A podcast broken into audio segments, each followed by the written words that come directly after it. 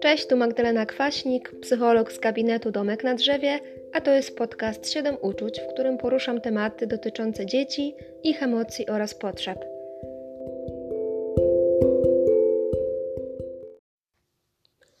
Dzisiaj kolejny odcinek dotyczący tematu rodziny. W poprzednim opisywałam pewne zjawiska i procesy, które w niej zachodzą z perspektywy systemowego rozumienia rodziny. Dzisiaj chciałabym opowiedzieć o funkcjach, jakie powinna pełnić rodzina oraz o tym, co to w ogóle znaczy, że rodzina jest dysfunkcyjna i w jaki sposób może się to przejawiać.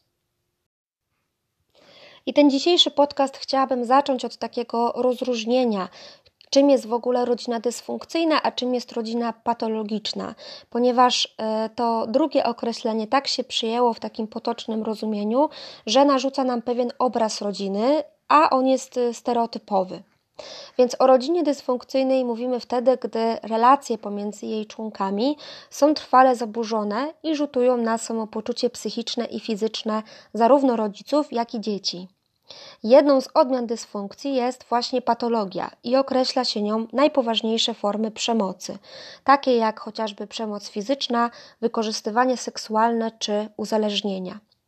Czyli możemy sobie powiedzieć, że każda rodzina patologiczna będzie rodziną dysfunkcyjną, natomiast nie każda rodzina dysfunkcyjna będzie właśnie patologiczną.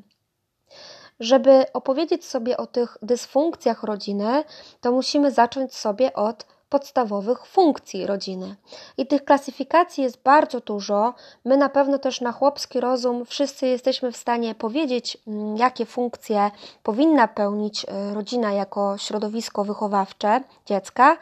Natomiast y, postaram się tak pokrótce o nich opowiedzieć. Takie podstawowe funkcje to jest przede wszystkim funkcja opiekuńcza, czyli zapewnienie bezpieczeństwa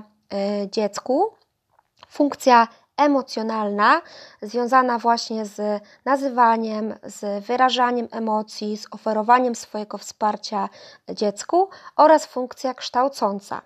Związana właśnie z dostępem do szkoły, dawanie możliwości dziecku na rozwijanie swoich zainteresowań, na zdobywanie nowych umiejętności, nowej wiedzy.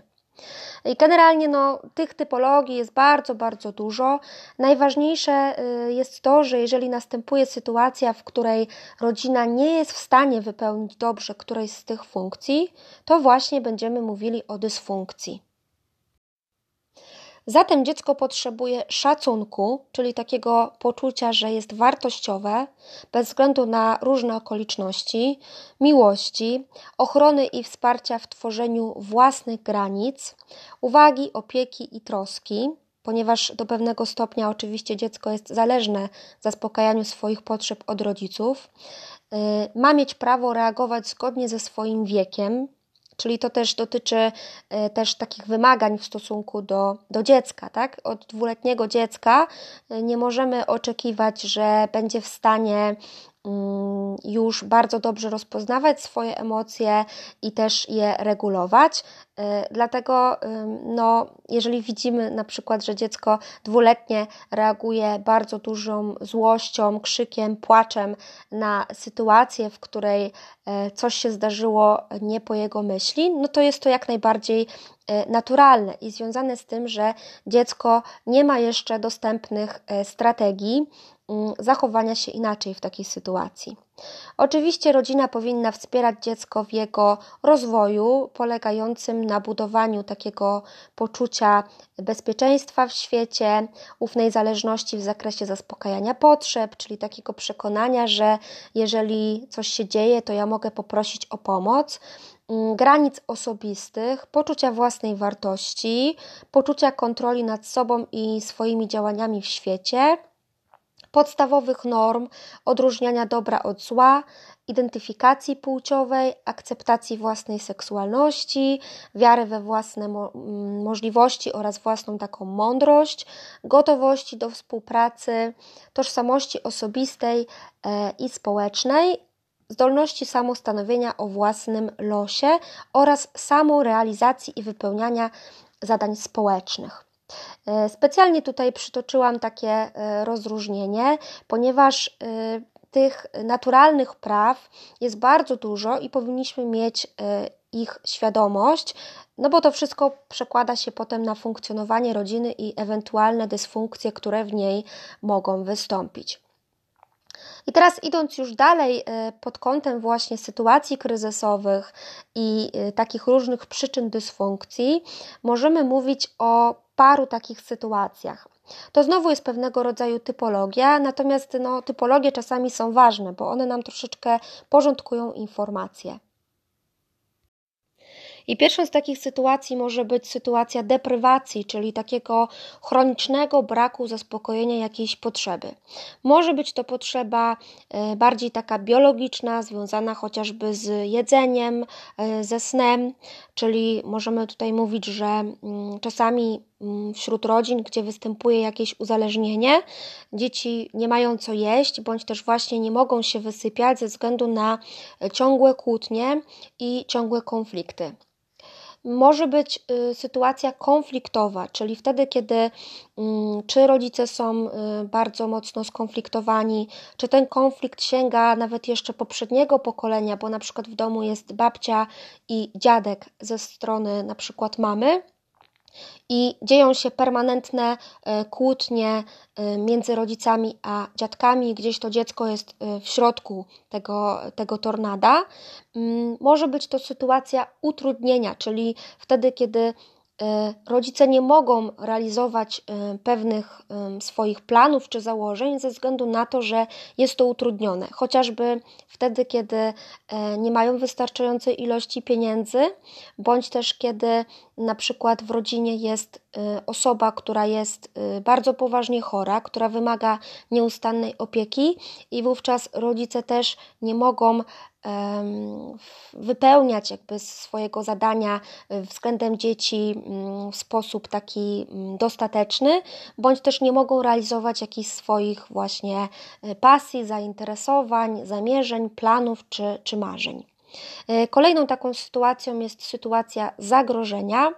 i tutaj mówimy o zagrożeniu rzeczywistym, ale też możemy powiedzieć o takim zagrożeniu, które jest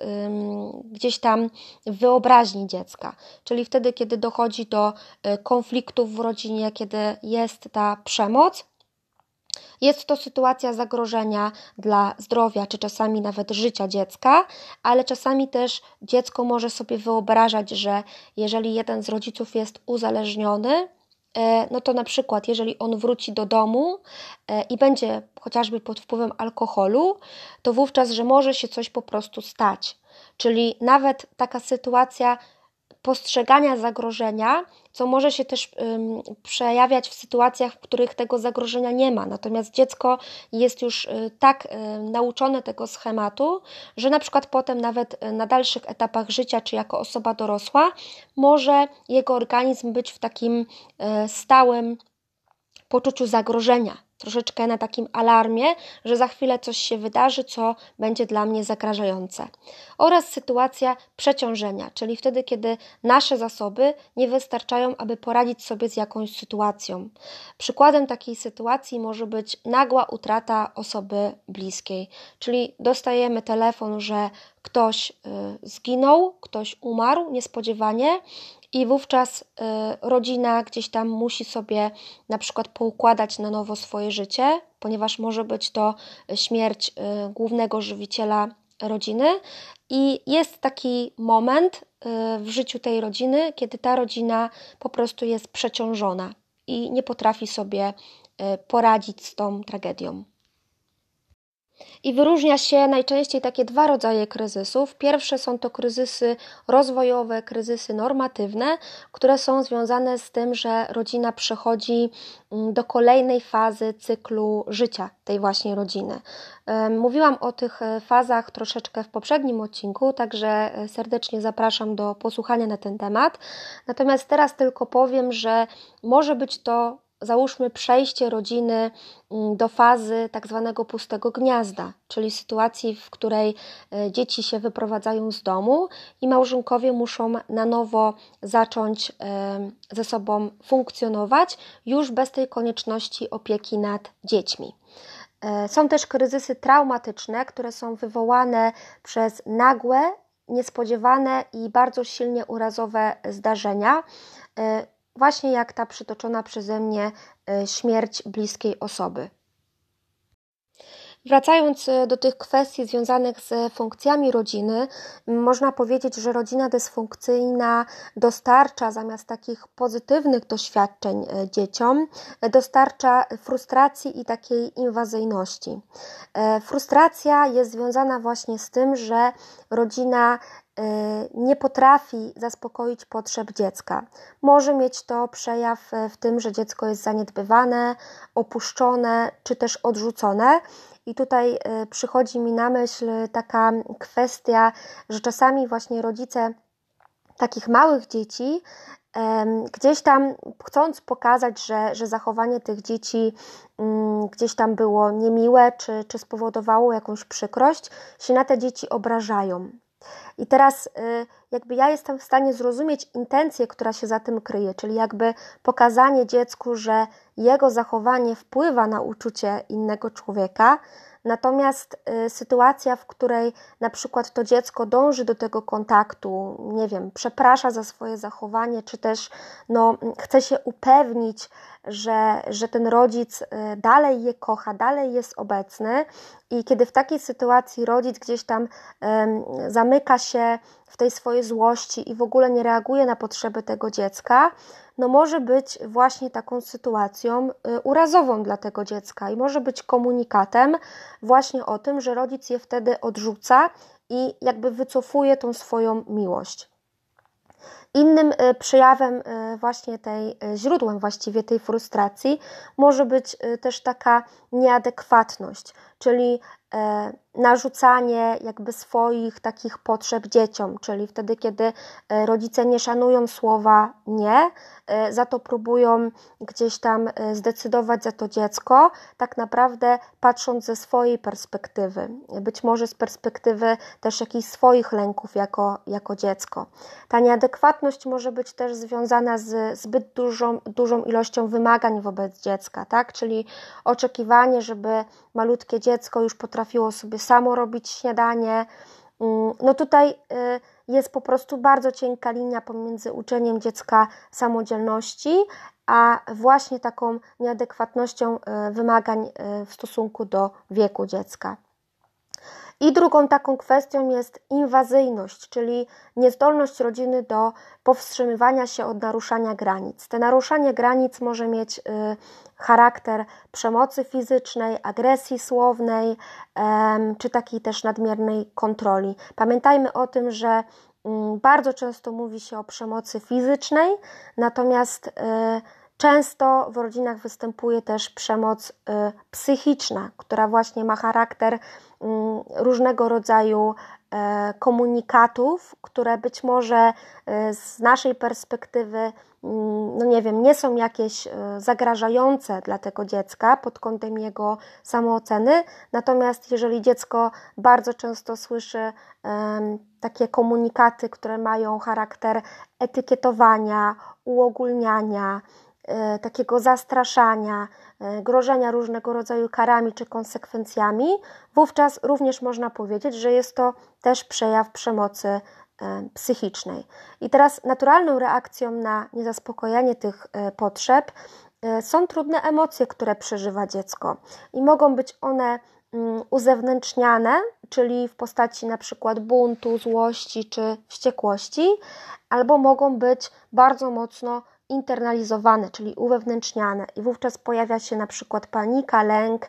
e, przerażenie, rozpacz, żal, smutek, czy też wycofanie. I teraz tak, mówi się o takich charakterystycznych cechach dla rodziny dysfunkcyjnej i jest to po pierwsze istnienie tajemnicy rodzinnej, czyli takiego problemu, który mama i tata chcą za wszelką cenę zataić i też przestrzegają dzieci, aby nikomu nic nie mówiły. Czyli to może być y, sytuacja, w której dochodzi regularnie do przemocy między mamą i tatą takiego dziecka, kiedy dziecko jest na przykład y, świadkiem y, gwałtu, mm, właśnie w tej relacji mama-tata, kiedy na przykład dziecko było świadkiem, mm, czy też widziało że jeden z rodziców spotyka się z jakąś inną osobą, na przykład ma kochankę czy, czy kochanka, i wówczas jest wikłane właśnie w taką e, tajemnicę, że ma nic nie mówić temu drugiemu rodzicowi o tym, co widziało. E, w takich rodzinach możemy też mówić o braku ról i wzorców zachowań, czyli na przykład mama może przejmować e, rolę ojca, który być może jest nieobecny, bądź też jest tak nieobecny, niedostępny emocjonalnie, bo na przykład bardzo dużo czasu spędza w pracy, e, czy też właśnie starsze rodzeństwo pełni w stosunku do młodszego rolę rodziców. I można tutaj powiedzieć o tym, że no ale przecież to jest naturalne, bo kiedyś tak właśnie było, że starsze dzieci opiekowały się młodszymi, młodsze e, opiekowały się jeszcze młodszymi i tak wychowywały się całe rodziny. I oczywiście ja tutaj nie mówię o sytuacji, w której starsze dziecko, na przykład nastolatek, jest proszony o to, żeby, mm, nie wiem, zostać z młodszym dzieckiem raz na jakiś czas, czy coś tam pomóc w opiece nad tym dzieckiem. Natomiast jeżeli to jest tak, że starsze dziecko ma mm, w liście swoich e, codziennych obowiązków również opiekę nad młodszym rodzeństwem, jeżeli to jest tak, że ono nie ma czasu na rozwój swoich zainteresowań, na spotykanie z rówieśnikami, na e, takie po prostu naturalne rzeczy, które, e, które wynikają z tego wieku nastoletniego, ponieważ właśnie musi opiekować się młodszym rodzeństwem, no to nie jest to sytuacja y, dobra dla tego dziecka. Y, kolejną sprawą jest brak prawdziwej komunikacji między członkami rodziny, czyli Albo to jest tak, że mm, jest bardzo dużo tych konfliktów, które są pełne agresji i wrogości, y, albo są one powierzchowne i właściwie nie mówi się o tym, zamiata się je pod dywan. Y, rodzina jakby cały czas jest w takim chronicznym napięciu, ponieważ jakby doskonale zdaje sobie sprawę, że jest pewnego rodzaju temat tabu, który jakby wisi w tej rodzinie, natomiast jakby nikt y, go nie decyduje się go mm, gdzieś tam e, podjąć, nie decyduje się na rozmowę na ten temat. E, rodzina nie stwarza warunków do rozwoju swoich członków, tak? Czyli jest taki na przykład przekaz e, rodziców w stosunku do dzieci, że, mm, że, że na przykład te dzieci mają się zaopiekować na przykład starszą babcią, która też tam mieszka, czy, czy, czy właśnie dziadkiem, który też jest w podeszłym wieku, I jest cały czas taka informacja, że e, najważniejsza jest właśnie rodzina, najważniejsze są te relacje, a nie jakieś e, swoje plany, marzenia czy, czy aspiracje. Brak też akceptacji dla odmiennych postaw i opinii, czyli, czyli też taki przekaz, że my jako rodzina uważamy tak, my jako rodzina mamy taką i taką opcję polityczną, e, czy też właśnie przychodzi mi tutaj do głowy przykład braku akceptacji chociażby dla odmiennej orientacji seksualnej, ponieważ no, rodzina jest e, tak zwaną rodziną e, tradycyjną,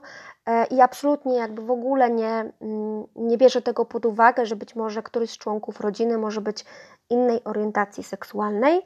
E, i też taki brak przyzwolenia na okazywanie uczuć czy e, słabości, czyli taki kult właśnie takiego bohatera, że my tutaj z tej rodziny to my sobie zawsze e, ze wszystkim sami robimy, że o pomoc proszą tylko słabe osoby,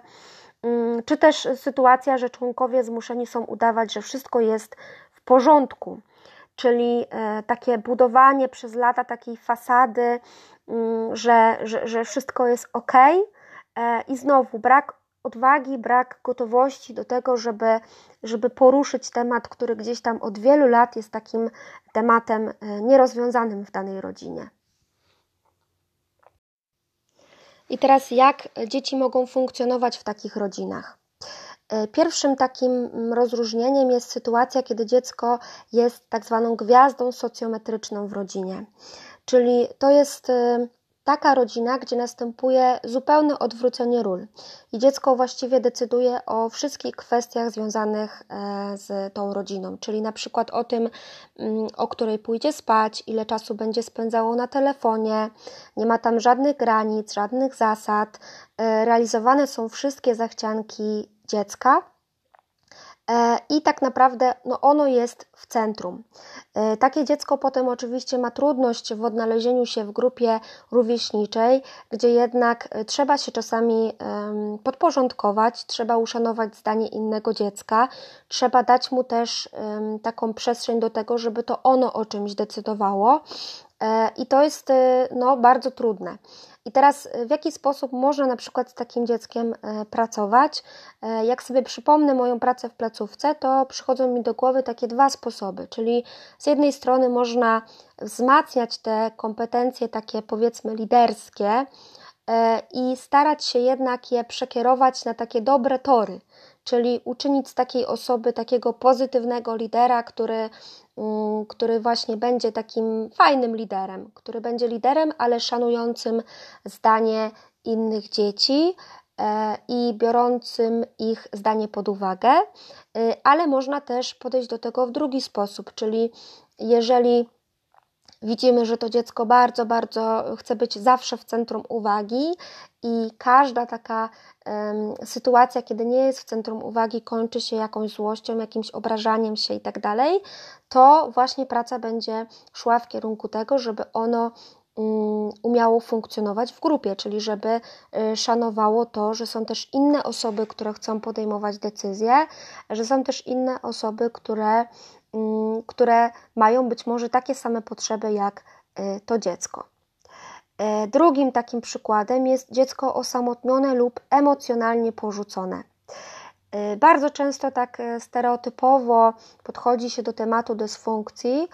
y, mówiąc właśnie o tym, że ona mm, występuje w rodzinach o takim niskim poziomie społecznym, o niskim status, statusie mm, materialnym, i to jest troszeczkę taki stereotyp w obecnych czasach, ponieważ obecnie można mm, stwierdzić, że ten poziom życia rodzin jednak trochę wzrósł. Mm, już e, aż tak dużo rodzin nie ma tych problemów z zabezpieczeniem potrzeb materialnych. Tutaj oczywiście możemy dyskutować, czy różnego rodzaju świadczenia typu 500 plus i, i inne e, rzeczywiście są takimi świadczeniami, które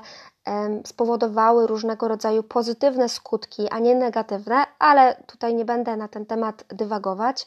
E, chcę tylko powiedzieć o tym, że obecnie bardzo dużo się mówi o tak zwanej biedzie emocjonalnej, która nie jest w żaden sposób związana z biedą materialną.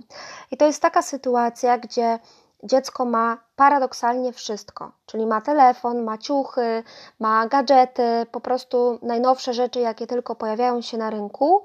ale właśnie brakuje rozmowy, brakuje przestrzeni na to, żeby porozmawiać o emocjach, mm, brakuje takiego czasu spędzanego z rodzicami, brakuje przede wszystkim takiego poczucia, że rodzic jest osobą, do której ja mogę zwrócić się o pomoc. E, I wówczas dzieje się tak, że dziecko najczęściej bardzo mocno ucieka w internet, e, w różnego rodzaju filmiki, gdzieś tam chce się identyfikować z, różnego rodzaju youtuberami, E, I też właśnie tutaj, e, kiedy pamiętam, rozmawialiśmy w placówce na temat internetu, na temat właśnie YouTube'a, e, to dzieci miały takie przeświadczenie, że one by chciały właśnie być takim YouTuberem, no bo on właściwie mm, nic nie musi robić, a ma bardzo dużo wyświetleń i kasy. No i teraz, jeżeli to jest jeszcze jakiś taki youtuber, który potrafi zaszczepić jakąś pasję, na przykład e, robi eksperymenty i nagrywa takie tematyczne filmiki, to jest super. Ale no, nie oszukujmy się, w, w internecie, na YouTubie obecnie jest bardzo dużo takich e, szkodliwych youtuberów, którzy robią pewne rzeczy, które są jakby na granicy prawa i które są niebezpieczne. E, I dzieci gdzieś tam chcą powielać ten, ten wzorzec, gdzieś tam się z tym identyfikują, ponieważ mają bardzo niską świadomość, bardzo małą świadomość e, na temat tego, że często za tymi youtuberami stoją naprawdę ogromne agencje reklamowe czy marketingowe, które tworzą scenariusze na odcinki, które wiedzą, co się klika i specjalnie mm, gdzieś tam y,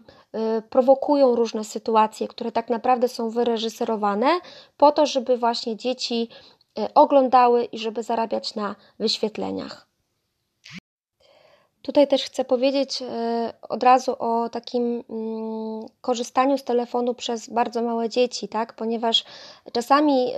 obserwujemy na przykład, że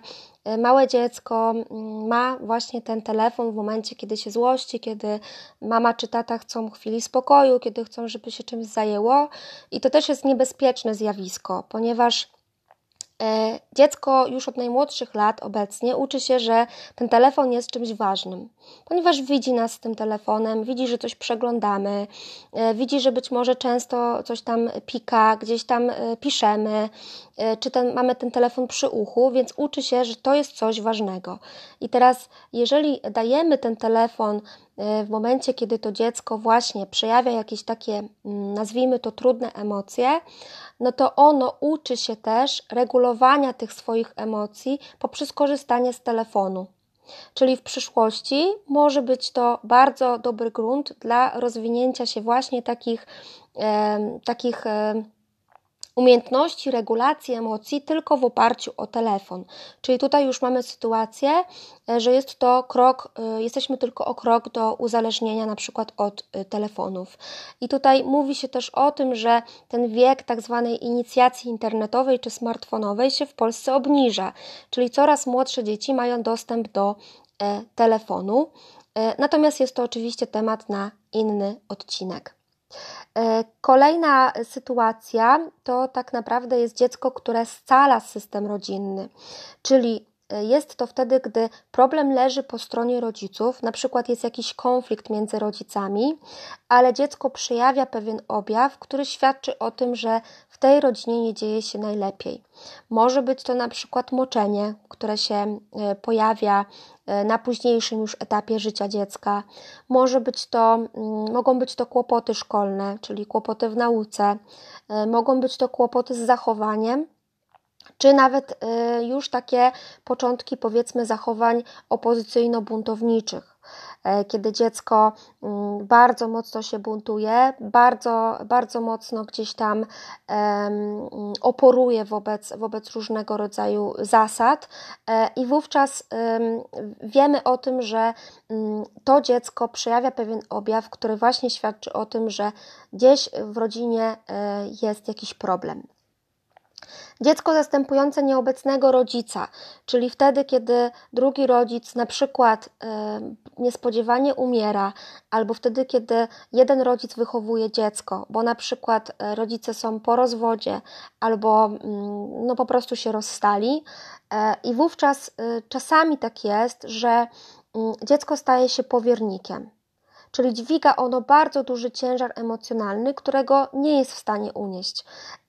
I też nie ma przestrzeni na jego emocje, czyli to jest też takie dziecko, które może nie ujawniać swoich emocji, może nie pozwalać sobie na ich przeżywanie, bo na przykład wie, że e, przez to, mm, że będzie to jakby dodatkowy problem w cudzysłowie dla tego rodzica. Więc e, to dziecko jakby zupełnie zatraca siebie, i nie pozwala sobie na, e, na bycie po prostu człowiekiem, tak? na, na przeżywanie różnego rodzaju uczuć czy e, emocji. Oraz dziecko z zadaniem spełnienia poczucia szczęścia rodziców, czyli wtedy, kiedy dziecko często słyszy taki komunikat, że my będziemy szczęśliwi, jeżeli ty będziesz szczęśliwy. No i Pewnie tak się zdarza, że tak mówimy do dzieci, e, bo chcemy im też pokazać, że to ich szczęście jest dla nas najważniejsze. Natomiast mm, dziecko słyszące taki komunikat, że właściwie jeżeli ja będę szczęśliwy, to rodzice będą szczęśliwi, może być właśnie takim dzieckiem, które nie będzie sobie też pozwalać na, na smutek, właśnie na złość, ponieważ będzie miało takie przekonanie, że E, tylko wtedy, kiedy będzie właśnie takie pogodne, optymistycznie nastawione do świata, życzliwe, mm, uśmiechnięte, to wtedy właśnie będzie akceptowane. Więc na to też trzeba uważać. E, I też w tym się wpisuje, wpisują rodzice z tak zwanym projektem dziecko. Projekt dziecko, czyli taka sytuacja, gdzie e, rodzice mm, w ogóle już na etapie właśnie planowania, e, planowania mm, dziecka, mm, gdzieś tam tworzą taki plan na to dziecko, czyli chcą, żeby to dziecko było jakieś, chcą, żeby to dziecko spełniało jakieś ich oczekiwania, chcą, żeby to dziecko e, gdzieś tam realizowało być może ich niespełnione ambicje czy też marzenia, jest trochę traktowane przedmiotowo. No i generalnie wszystko jest w takim projekcie dziecko dobrze, w cudzysłowie, dopóki to dziecko nie zacznie sprawiać jakichś trudności, nie zacznie się buntować, y, czego ten projekt dziecko z reguły nie przewiduje i nie bierze pod uwagę. Czyli dziecko staje się takim, powiedzmy, przedmiotem zaspokojenia jakiejś potrzeby e, rodziców, dziecko staje się narzędziem, natomiast nie jest ono traktowane e, podmiotowo. E, to wszystko na dzisiaj. Mm, bardzo jak zwykle dziękuję za uwagę.